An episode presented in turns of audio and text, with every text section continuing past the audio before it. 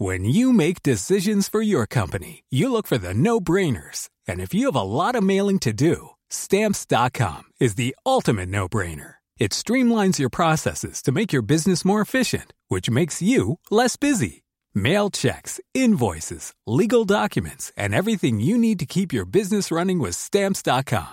Seamlessly connect with every major marketplace and shopping cart. Schedule package pickups and see your cheapest and fastest shipping options from different carriers with rates up to 89% off USPS and UPS rates. And with the stamps.com mobile app, you can take care of mailing and shipping wherever you are. Make the same no-brainer decision as over 1 million other businesses with stamps.com. Sign up with code program for a 4-week trial plus free postage and a free digital scale. No long-term commitments or contracts. That's stamps.com. Code program.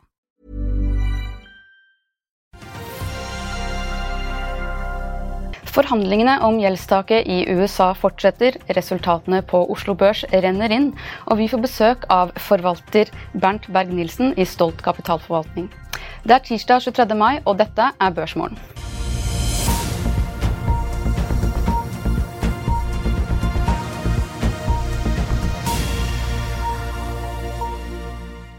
Riktig god morgen og velkommen til Børsmorgen her hos oss i Finansavisen. Mitt navn er Benedikte Storm Bamvik, og med meg har jeg aksjekommentator Karl Johan Målnes.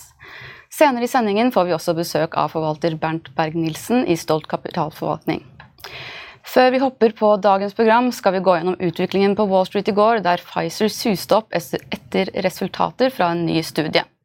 Ellers klatret indeksene Nasdaq og SMP 500 noe opp i løpet av gårsdagens handelsdag, mens Dow Jones falt 0,42% Gårsdagens samtale mellom USAs president Joe Biden og lederen for Representantenes hus, Kevin McCarthy, endte uten en avtale om gjeldstaket i USA.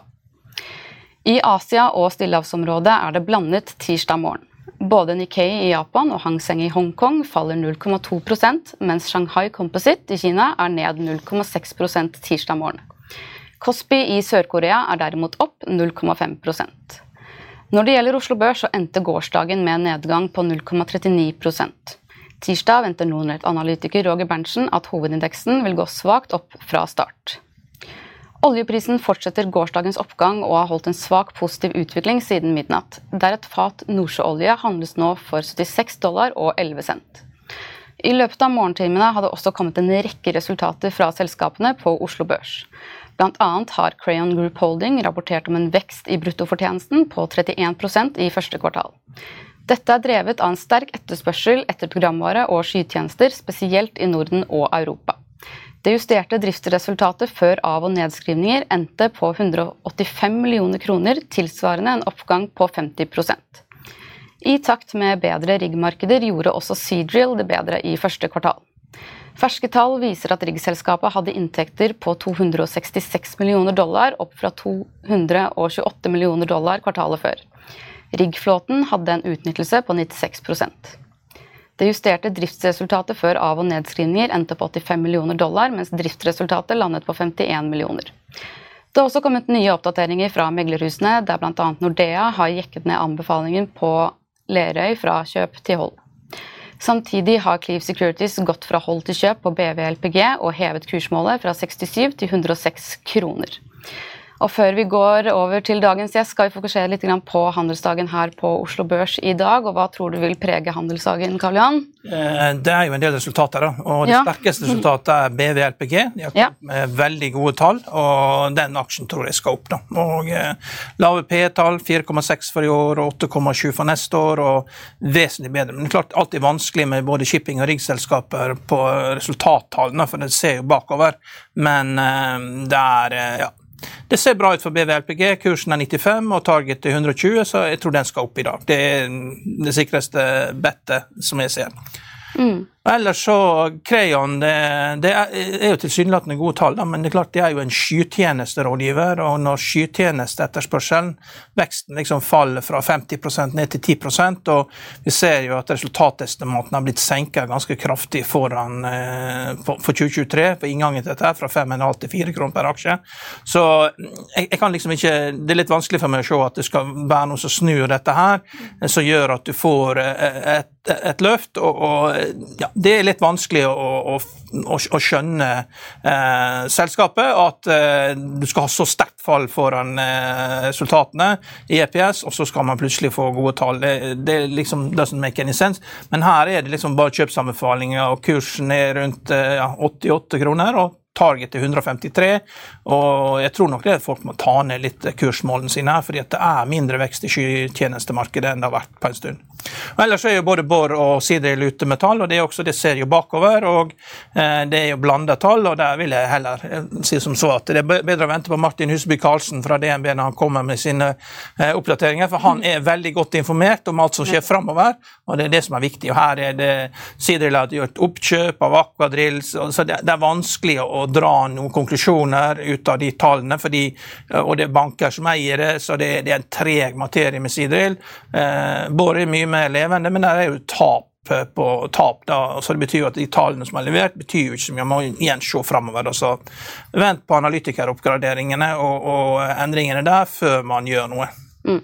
Så blant resultatene som har kommet inn på morgenen i dag, så er det mest soleklare tegnet BV LPG? Da? Ja. ja, nettopp. Yes, Tusen takk, Karl Johan. Eh, vi går over til en pause, og så kommer vi tilbake til dagens gjest. Vil du bli oppdatert på det viktigste som har skjedd innen finans og næringsliv? Da er det bare å følge med, for hver morgen er jeg, Marius Lorentzen og aksjekommentator Karl Johan Malnes på plass i studio for å ta tempen på dagens marked i Børsmorgen. Og hver ettermiddag oppsummerer vi alt du trenger å vite i økonominyhetene, og det blir selvfølgelig masse interessante gjester. Klikk deg inn på fa.no-tv, eller søk opp Børsmorgen og Økonominyhetene der du hører på podkast. I'll see you in court.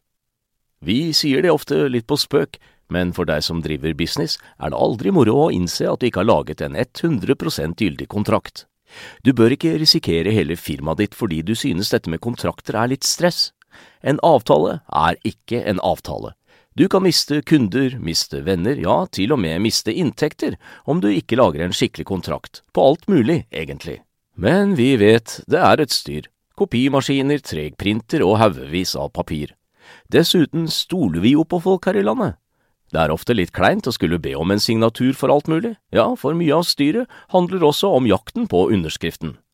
Det finnes en enkel måte å løse dette på, Dukkobit, en trygg, effektiv og get this, gratis måte å sikre seg en god natts søvn pluss en juridisk bindende avtale.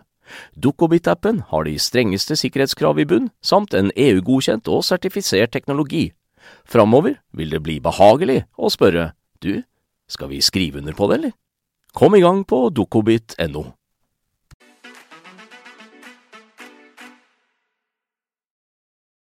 Yes, da er handelsdagen i gang, og Oslo Børs faller svakt fra start. Eh, men nå går vi over til dagens gjest, forvalter i Stolt kapitalforvaltning, Bernt Berg-Nilsen. Velkommen til oss. Takk, hyggelig å være her. Jo, velkommen skal du være.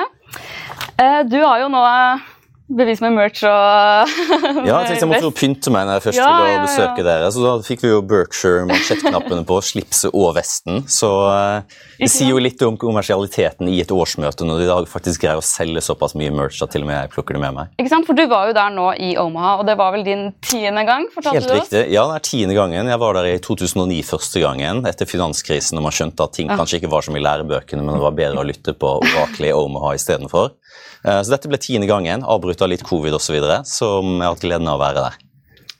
Hva, din, hva, var det som skjedde under dette møtet? Hva er liksom dine key takeaway fra ja. dette møtet i Omaha? Det er jo litt som Folk spør meg hvorfor reiser du ti ganger på, på rad dit. Sier de ikke det samme gang om igjen og om igjen? Men det er jo hele poenget. Det er litt som juleevangeliet, å gå i kirken på julaften. Altså Overraskende ville jo vært hvis det kom noe annet enn det de sa tidligere. Og Det er nettopp det budskapet om langsiktighet, disiplin, se på aksjer som en reell eiendel i en bedrift, og ikke bare kurser som hopper rundt uh, på skjermen. Uh, og så er det litt som å sitte der og høre på to sånne reservebestefedre.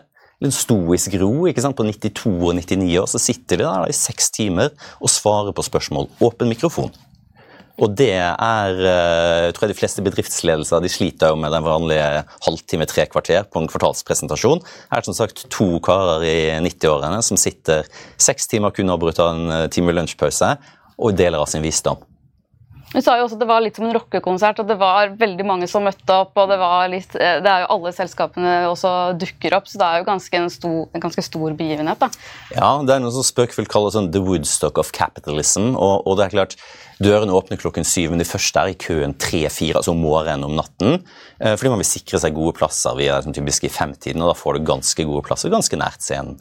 Um, men i tillegg så er det, en, det er et vanlig årsmøte. Det tar omtrent et eh, kvarter, fordi eh, Buffett kontrollerer styret, og du har liksom Bill Gates i styret, og det er ganske medgjørlige styremedlemmer. Så det, Hovedsaken er de, den spørsmål- og svardelen. Og så er det som du er inne på, det er et slags messeområde under der som selger eh, merch fra selskapene. De eier 80 forskjellige selskap, fra NetJets til Duracell, til Fruit of the Loom, til Brooks osv. Så, um, så det er jo faktisk et av de få årsmøtene tror jeg, som faktisk går i overskudd. De solgte sjokolade tror jeg, for ja, 5 millioner kroner eller noe sånt i løpet av de timene der. Ja, yes.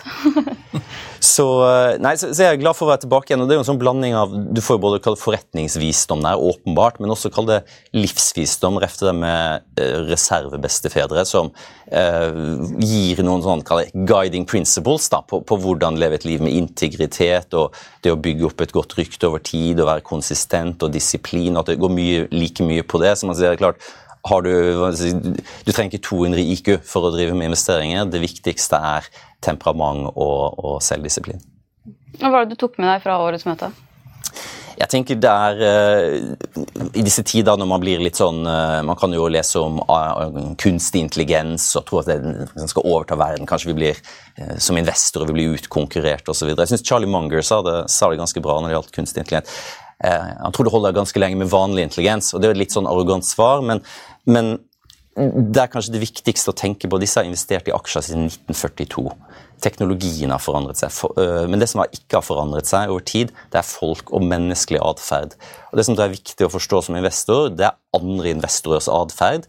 Det er sånn behavioral finance på sånn finansakademisk, men, men også like mye konsumentenes atferd. Og det er jo det ene av tingene som har dette det siste poenget, eh, gjort at Buffett har greid å vri investeringsfilosofien sin gang på gang. Fra på 50-tallet til å kjøpe ting som var veldig billig på prisbok, til liksom å vri det mer mot kvalitet, siden på 80-tallet med Coca-Cola. Men så da i 80-årene vri hodet en gang til, til da begynne å kjøpe Apple i 2016. Dette var karer godt opp i 80-årene.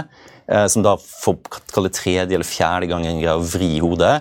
Jeg tror Mye av nøkkelen ligger i kombinasjonen av de to tingene. Forstå investorers atferd da var Apple på P13. Det er ikke syv år siden, altså. Eh, P13 den gangen. Eh, samtidig så de skjønte nok hvor viktig eh, Apple og arkitekturen er for konsumentene. Og det var som Buffett sa i møtet, de fleste amerikanere de har jo to biler. Og han var villig til å vedde på at de fleste amerikanere er villige til å gi bort bil nummer to for å beholde Apple-telefonen sin. Og Det, det sier jo noe om hvor, hvor sterk konsument-lock-in du har da, i den type selskap de ser på. Og de har jo en ganske sterk investeringsfilosofi, Buffett. Mm. Eh, og dette er jo også da eh, slik jeg fikk inntrykk av, en eh, filosofi som også du liker å bruke når du forvalter fondet. Mm. Det er jo da Stolt Explorer du forvalter. Og hvordan, hva, er, hva, er, det som er din eh, filosofi, og hvordan er det du selv plukker mm. aksjer? Ja. Jeg tror, altså I Stolt Explorer så er vi, vi, fire stykker, og så har vi prøvd på en måte å sette sammen et produkt som skiller seg litt uh, fra andre norske fond med globalt mandat. Hvor, hva mangler det i, i, i den norske fondsfloraen? Så Vi har et globalt fond, men vi er mer diversifisert enn andre og både på geografi og på selskap. Og For å ta det opp mot Buffett, vi eier jo Berkshire uh, også. Og så Er det mange som spør men er det ikke en slags motsetning mellom klassisk verdiinvestering, altså value investing, uh, og, og det vekst og, momentum? Og nei, egentlig ikke. Kalle måten vi tenker på er kanskje at verdifaktoren den kan virke, eller virker, fordi det er en overreaksjon til dårlige nyheter. Ta Kina f.eks. i fjor høstes. da. Og så kan momentumfaktoren, eller vekstfaktoren, virke samtidig. Fordi det er en underreaksjon til positive nyheter. Ta Novo Nordisk over det siste året. ikke sant? Nå var Nordens største selskap har for meg gått 50% ikke sant, på et år. Fordi den, den momentumfaktoren, de gode nyhetene blir ikke indiskontert raskt nok. Og så Den andre grøftekanten er på verdisiden, der ingen skulle ha Kina i fjor høstes. Da kjøpte vi litt uh, kinesiske aksjer. Så vi prøver å kombinere de, ta de to tanker i hodet på, på, på en gang. og kalle det som, Tenk som et triangel der man triangulerer mellom geografisk eksponering, Eh, verdivurdering og eksponering i hele fondet. Skal man være nøytralvektet, skal man være på minussiden eller på plussiden av 100-streken. 100 Så Det er det vi forsøker i Stolt Explorer. Hvilken sektor er det dere er mest eksponert mot? Nå har vi den største eksponering mot finans, og det kan jo høres skummelt ut. Vi har 18% innen finans, men det vi har mye av, er forsikringsselskap. Skadeforsikringsselskap mer spesifikt. Så vi har bl.a. Berkshire, som den største motoren i Berkshire er skadeforsikring, bilforsikring i USA. Vi har også sånn Sampo i Finland, som er jo da If, som vi kjenner i Norge. Eh, Ping An, i et kinesisk forsikringsselskap. Gjensidige. Og, og, hva er det som er så spennende med skadeforsikring? Det er Nøkkelen til å forstå det er det er åpenbart det vi kjenner som å skrive forsikring på en god måte. altså Combined ratio, og, og Der er konkurransebildet forskjellig fra geografi til geografi. I Norge så har vi jo, eller Norden så har vi et svært sånn sterk prisingsdisiplin. Du ser combined ratio på 80-tallet. altså Driftsmargin for å si det enkelt på tosifret, mens i USA så er driftsmargin sånn 4-5 Men det viktigste er disiplin i det lokale markedet. Men samtidig kombinere det med det man kaller float. Man får da negativ arbeidskraft. Man får jo pengene fra kunden før man skal utbetale. Så du lånefinansierer jo da din egen investeringsvirksomhet gratis. Og de som greier å kombinere de to tingene, de forsikringsprogrammene som får til det, har en fantastisk miks. Eh, jeg nevnte jo en del av de der. Så vi fokuserer på store selskap, gjerne skadeforsikring, de som er flinke til å benytte floaten. Um, og du ser sånn som Berkshire ta et eksempel som selv et så stort selskap har vokst bokførte verdier 12% over de siste ti årene. Og de har totalt holdt på i 58 år totalt sett.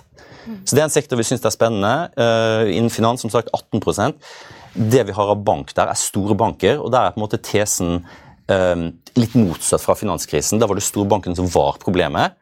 Nå tenker vi litt motsatt. jeg synes du har sett det. Vi er jo f.eks. JP Morgan. Um, og de uh, plukket jo opp uh, resten av Silicon uh, Valley Bank, og HSBC, akkurat som HSBC plukket opp UK-delen. Um, og det er også altså, veldig interessant, sånn som JP Morgan har jo da sett en økning i innskudd, som har vært hele problematikken ikke sant, for utflytt av innskudd. De har sett en økning i innskudd. Så, så vi, tesen er jo på en måte at de største bankene er de som kommer ut som vinner av denne sykelen versus det som man så i rundt finanskrisen. Så de vinner både på innskudd, de vinner på at de har mulighet til å kjøpe opp fallerte banker, eller banker som, som sliter av uh, likviditetsårsaker. Uh, men vi holder oss unna de mindre, og vi holder oss unna de som har tatt for mye risiko. Det er litt sånn som uh, Berkshire, eller som Buffett sier, det er liksom når tidevannet går ut, altså likviditeten går ut eller rentene går opp, at man ser hvem som har badet naken. Og det blir jo eksponert sånn som i Silicon Valley Bank. Man har tatt for mye risk, man har tatt for distinkt eh, bet både på kunde- og på asset-siden. Um, så de styrer vi helt klart unna. Hvis, hvis du får en, en, kunde på besøk og så sier han jeg kan kjøpe Berkshire Hathaway-aksjen eller så kan jeg kjøpe fondet ditt, mm. hva sier du til den kunden da? Mm. Jeg tenker kjøp gjerne Berkshire Hathaway. Tenk kanskje på Berkshire som en foredlet utgave av SMP. Det reflekterer den amerikanske økonomien. Eh, Berkshire har fire viktige deler. Vi snakket om forsikring. Så er det den som heter eh, Railroads, som er mye industrieksponering. Det er Berkshire Energi, eh, som er vindkraft og solkraft. Og så har du aksjeporteføljen, som er en indirekte eksponering. Det største eiendelen de har, er Apple. Så kjøper du Berkshire, så tenker jeg da får du liksom SMP, bare litt mer quality, quality angle. Grunnen til at du skal kjøpe et fond som Stolt Explorer, er at du får en reell eh, global diversifisering. Så Det er et produkt som er laget for nordmenn. Det Vi tenkte, vi trenger ikke å lage et globalt fond som er likt alle de andre norske globale fondene. Og Da måtte vi ha skrudd sammen et kinderegg. Så hvis du tenker både for tre ting på én gang Du får Eh, global eh, eh, diversifisering i fondet vårt. Men du får også en eksponering mot fremvoksende økonomier. F.eks. vi har 10% eksponering mot Kina. Kjøper du en vanlig indeks, sånn global indeks, så får du 3% eksponering mot Kina. Kina står for 20% av verdiskapningen i verden, altså i fjor målt i BNP. Men målet 3% i MSCI-indeksen. Så kjøper du fondet vårt, så får du du får et, et fond på, på, som et kinderegg. Du får global eksponering, du får eh, fremvoksende økonomier-eksponering, eh, og så får du Norden-eksponering, der vi også finner en sånn verden i miniatyr.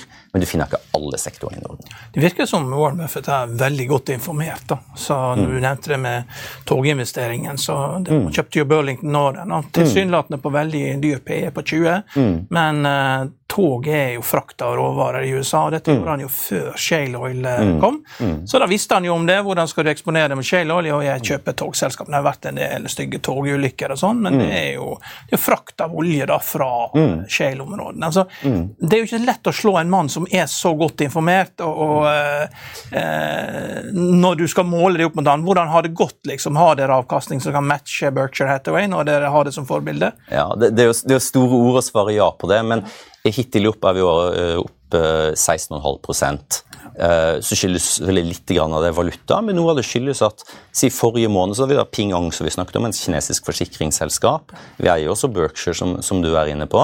Um, men jeg tror det, det, sånn, det, ene utelukker ikke det andre. Og jeg tror uh, vi er veldig happy med å ha Berkshire som en del av porteføljen. Og så sier jo Buffett selv også det, pga. størrelsen. Husk egenkapitalen i Berkshire. Den er 505 milliarder dollar. Eh, det, det største egenkapitalen i USA. Eh, så Han sier jo selv eh, ikke forvent at returns fremover for Berkshire det blir like bra som det har vært, som en funksjon av størrelsen. Det er jo helt, ikke sant, Skal du slå de, for eksempel, de investerte nå i Japan, i de fem største tradinghusene i Japan. Tjente fem milliarder dollar per. Men det, det står 1 ikke sant? Så han sier uansett nesten hva vi finner, og så har de en krigskasse på 130 milliarder som de egentlig vil sette i, i verk. Men det, det problemet å finne det han kaller store nok elefanter å skyte til at det skal slå for totaliteten i Berkshire. Men som sagt, 12 bokført, eh, vekst, vekst, i bokført egenkapital de siste årene eh, på en så stor masse som Berkshire har, er helt fantastisk. Han ser jo det store bildet, at banken har problemer. Han, har jo, mm. han kan jo en ødelegge en bank med å flytte de pengene han har. Da. Han ser jo det sjøl. Og, mm. og standard, standard betingelser når du er enten et oljeselskap eller du er en bank eller du er GE Goldman Sachs, Jeg tror flyr inn til han, og så får du da et tiårs eh, preferanselån med 8 rente, hvor han kan konvertere til aksjer. Men jeg fant du ut noe annet ved å snakke med andre? liksom Stemning rundt bankkrisen var hvor ille det må bli før det snur. Det er jo helt tydelig at Janet Yellen sier at uh, her er det flere banker som må slås sammen. og Hvor ille blir dette?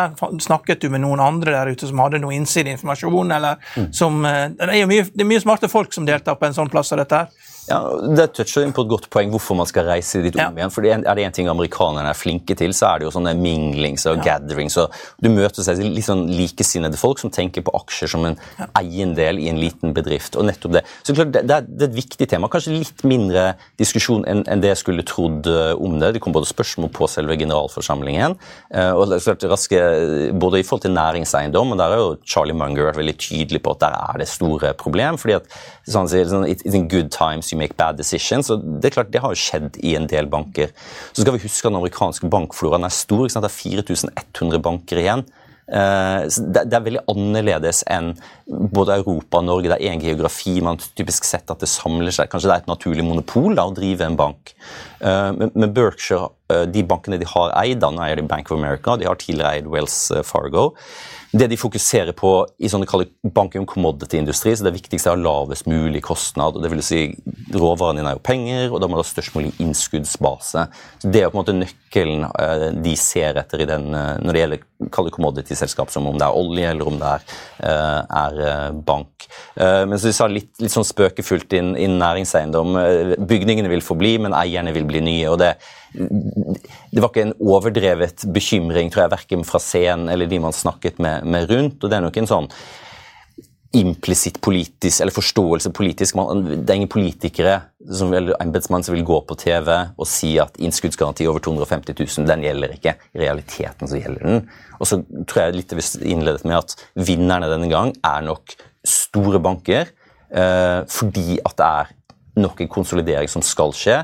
Eh, som allerede har pågått de siste 20-25 årene, etter man Glass-Eagle Act og det egentlig ble brutt før finanskrisen, så, så har den trenden bare fortsatt. Jeg tror at det vi ser nå, vil bare akselerere det. Du så det med First Republic, Silicon Valley Bank, eh, store banker i norsk og nordisk målestokk, med små i amerikanske. Og husk at allerede så sitter en fjerdedel av alle innskudd sitter i Bank of America og JP Morgan. Så du ser at ting blir sugd inn i de store. Eh, og som jeg tror igjen eh, lav råvarekostnad, det er de store bankene, og derav blir de vinnerne i denne sykelen. Jeg tror jo det er Warren Buffett altså når han, han, sier at folk er villige til å selge sin andre bil for å beholde Apple-telefonen, så må det være per person og ikke per familie. Fordi eh, bilen er jo viktigere enn huset i USA. fordi at når det kniper om, så bor man jo i bilen, men da har jo telefonen røket, liksom. Så uh, bilen er helt sentral, og han driver jo med bilforsikring med Geico mm. og driver og kjøper seg opp i dette andre, hva heter det, Ally, eller hva heter det, dette til Eh, Ellie Canny ja, kjøpte det i fjor. Ja, det et, ja, så det er ett til han holder på ja. Så han, han, kan jo dette her, så der tror jeg man, han har blitt misforstått. Jeg hørte han sa det, mm. men it didn't make any sense, altså. For bilen er jo helt sentral. Liksom. Riktignok bil nummer to. Du vet amerikanerne ja. har jo gjerne det, i hvert fall én eller nummer to også. Så. Ja, ja, ja. Det, det, men, uh, med, amerikanske tilstander, alle har hver sin bil, og det er liksom, yes. hvis alle har mer enn én bil, det er da yes. uh, dette skjer. Jeg tror, jeg tror, nok du er inne på det riktige, riktige forståelsen av det, men nøkkelen er nok hvor eh, forstå konsumentenes atferd. og det, det, samme, Du kan se det på andre konsumentprodukter, det er om det er Coca-Cola eller der igjen, Det man ser etter, er det man kaller en vollgrav, hvis man tenker at bedriften er som et slags god gammeldags borg.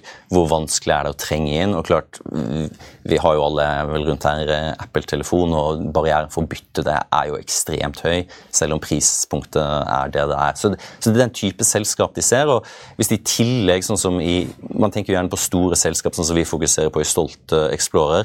Kan de vokse? Det som er gjerne lett å glemme med store selskap, det er at ja, prisene og kursene som går opp og ned, men det som er like viktig, er tilbakekjøp. Uh, for Berkshire kjøpte tilbake 11% av aksjene de siste fem årene. Apple har vært helt fenomenalt på tilbakekjøp. Kjøpte aksjer for en halv trilliard eh, over de siste uh, ti og, og, ikke minst spin-offs av uh, mindre selskap fra store selskap. Så når, når vi ser på i vår modell da, i Stolt Explorer så starter vi med de 9100 selskapene som er i MSCI eh, World, og siler de nedover på de største på hver geografi, og så filtrerer vi da på verdivurdering, sånn at man får en balanse eh, med store, etablerte selskap som er fornuftig priset. Vi har en snitt-P på 15 i eh, porteføljen. Husk at USA ligger jo på 18, så har du emerging markets på 11. Så vi prøver å finne en balanse både mellom geografi, sektor, Eh, og totaleksponering. Yes, altså nå begynner vi å nærme oss slutten her, men jeg bare lurte helt på slutten. Det, hvilke aksjer er, er det som er dine top picks akkurat nå? Du, Vi syns det finske skadeforsikringsselskapet Sampo er veldig spennende. Vi liker LVMH. altså Tenk på det som et uh, Berkshire in uh, luksus. Uh, vi liker Kongsberg Gruppen. Høy kapitalavkastning, god ledelse, sterke markedsposisjoner. Og så må vi ha litt olje også. Berkshire kjøpte jo Occidental enda mer i går. Vi syns Aker BP ser billig ut, og du får god produksjonsvekst samtidig med 10 dividend yield. Tusen takk. Hadde du et avsluttende spørsmål? Jeg har ikke det. vi har... Du lurte på hvor vi skulle bo, du? Det, det. Ja, det, det, må vi jo ta til slutt, ja. Det må ja. vi jo si, liksom. Når du har reist ti ganger til ja. Omaha, du har noen tips eh, hvor folk eh, burde bo når man reiser dit? Det er et godt spørsmål. For det første tipset er å bestille flybilletter tidlig, fordi ja. det er litt kronglete å komme seg dit. Eh, du må enten fly via Chicago eller New York, og så fly inn til Omaha. Det er en liten by, 400 000 i amerikansk målestokk, så det er for få hotell. Så det, det ironiske hotellprisene der er jo dyrere enn i New York eller Vegas når dette skjer. Så et lite tips, bo litt utenfor. Du har Lincoln i Nebraska, en time å kjøre. Bo i nærheten av flyplassen, det er ikke så langt å gjøre. Inn i sentrum, veldig tidlig utsolgt øh, og veldig dyrt. Så litt ut. Value-traden er uh, Finn et litt rimeligere hotell litt i utkanten neste, hvis du skal dit neste år. Gode tips. Da tror jeg vi runder av der. Og så tusen takk for at du kom. Denne uken er alle øyne mot forhandlingene om gjeldstaket i USA, der Kevin McCarthy tidligere har sagt at en enighet om gjeldstaket må nås denne uken for å få avtalen gjennom Kongressen i tide. Gårsdagens samtaler mellom USAs president Joe Biden og McCarthy endte uten en avtale om gjeldstaket. Dersom det skulle skje at de to partene ikke blir enige, så står USA i fare for å misligholde statsgjelden deres fra 1.6. Skulle det skje, kan også føre til bred økning i renter, et fall i aksjepriser og vansker med å skaffe finansiering av prosjekter, ifølge Reuters.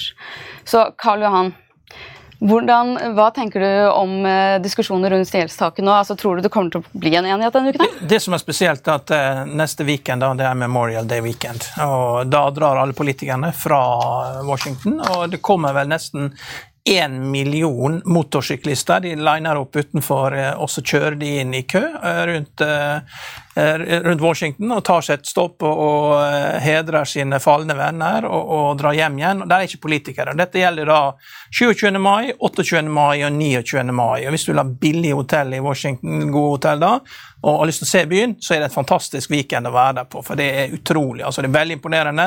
Da får du se alle de som har vært i krigen, liksom, og du får se at dette er en krigsnasjon. Uh, men Kevin McCarthy han er jo en mann som gikk gjennom 13 avstemninger.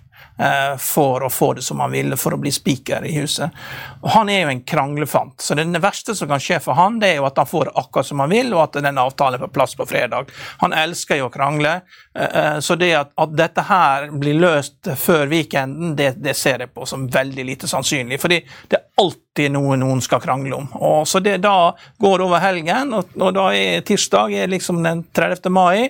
Da må man komme til enighet. og Da kommer markedene til å være litt urolige, men vi har jo sett denne filmen før. Vi vet jo at det går stort sett bra, men det skal krangles på overtid. Det er en del av denne filmen. Det er Sånn er det bare.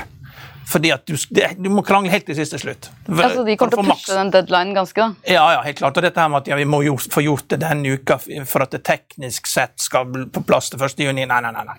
Det, det kan bare glemme. Det skal, dette skal gå på overtid. Det er bare sånn er det. Og så, og så kan alle si at ja, vi ga alt. Uh, og så, Det er teater. Hvor sannsynlig er det at de faktisk går over 30. mai? Ja, det er, I og med at du har Memorial Day-weekend. Det er også en weekend sånn, da har alle sine faste tradisjoner. Alle drar hjem til sine familier. Det er en, det er en av de flotteste weekendene i uh, hele USA. For det er sommer, i, det er sommer, og alle samles. Det er cookouts. Det er veldig familieweekend. og det er, det er nesten ute De kommer ikke til å sitte i Washington og forhandle den helgen. Altså, Alle har sine ritualer. Det kommer de til å overholde. Alle drar hjem igjen. Eh, og så, De kommer til å snakke på telefon og sånn, og ha kontakt, men jeg tror dette her blir avgjort tirsdag 30. mai i en skikkelig bust-up, altså, og det skal gis og tas. Og Demokratene også tjener jo på at det blir, det blir tatt noen kutt, fordi at eh, USA har jo brukt for mye penger for lenge, så det, de gjør jo ikke noe eh, om at republikanerne fremstår som the bad guys, som virkelig presser gjennom ting. og så må da eh, For Joe Biden så er det viktigste at han unngår å se ut som at han har eh, sendt USA i default, og han har makt til å sørge for at dette her kommer på plass. Og da, da tror jeg også det at dette her eh, Det vil finnes en løsning, og han er ikke så sta som McCarthy. McCarthy han skal liksom helt til ha noe ekstra. Og Det kommer han til å få også, men demokratene er kanskje ikke så, er ikke så lei seg for at det blir kutta litt i budsjettet. Det er bare at McCarthy får skylda. Hva er det som kan, altså Vi eh, listet opp noen av konsekvensene nå i sted. Altså, hvordan vil markedet reagere hvis det går over tid? Det, det, vil bli uro, men i og med at du har sett denne filmen så mange ganger før, så er det litt vanskelig å vite hvordan det reageres. Det er litt vanskelig å vite. Det blir spennende å følge med på. Tusen takk, ja. Eh, Karl Johan. Eh, før vi setter en strek for dagens sending, så skal vi ta en kjapp titt på noen andre nyheter. I dagens avis så skriver Finansavisen om de store svenske aktørene innen næringseiendom som har lån for nesten 250 milliarder kroner, som forfaller innen halvannet år. Det vil gi utfordringer for tunge aktører som SBB og Ivar Tollefsens Heimstaden Bostad. Du kan også lese om Bjørn Simonsen som ble styrtrik på Øystein Streitzbetalens fornybarsatsing Saga Pure. Og Rett før jul i fjor var han ferdig som toppsjef i selskapet, og nå måker han ut aksjer. Mer om dette kan du lese på fa.no. Og Det var børsmålen for denne tirsdagen. Husk å få med deg økonominyhetene senere i dag klokken 14.30. Og I mellomtiden så får du siste nytt på fa.no gjennom hele dagen. Vi ønsker deg en riktig god dag videre, og takk for nå.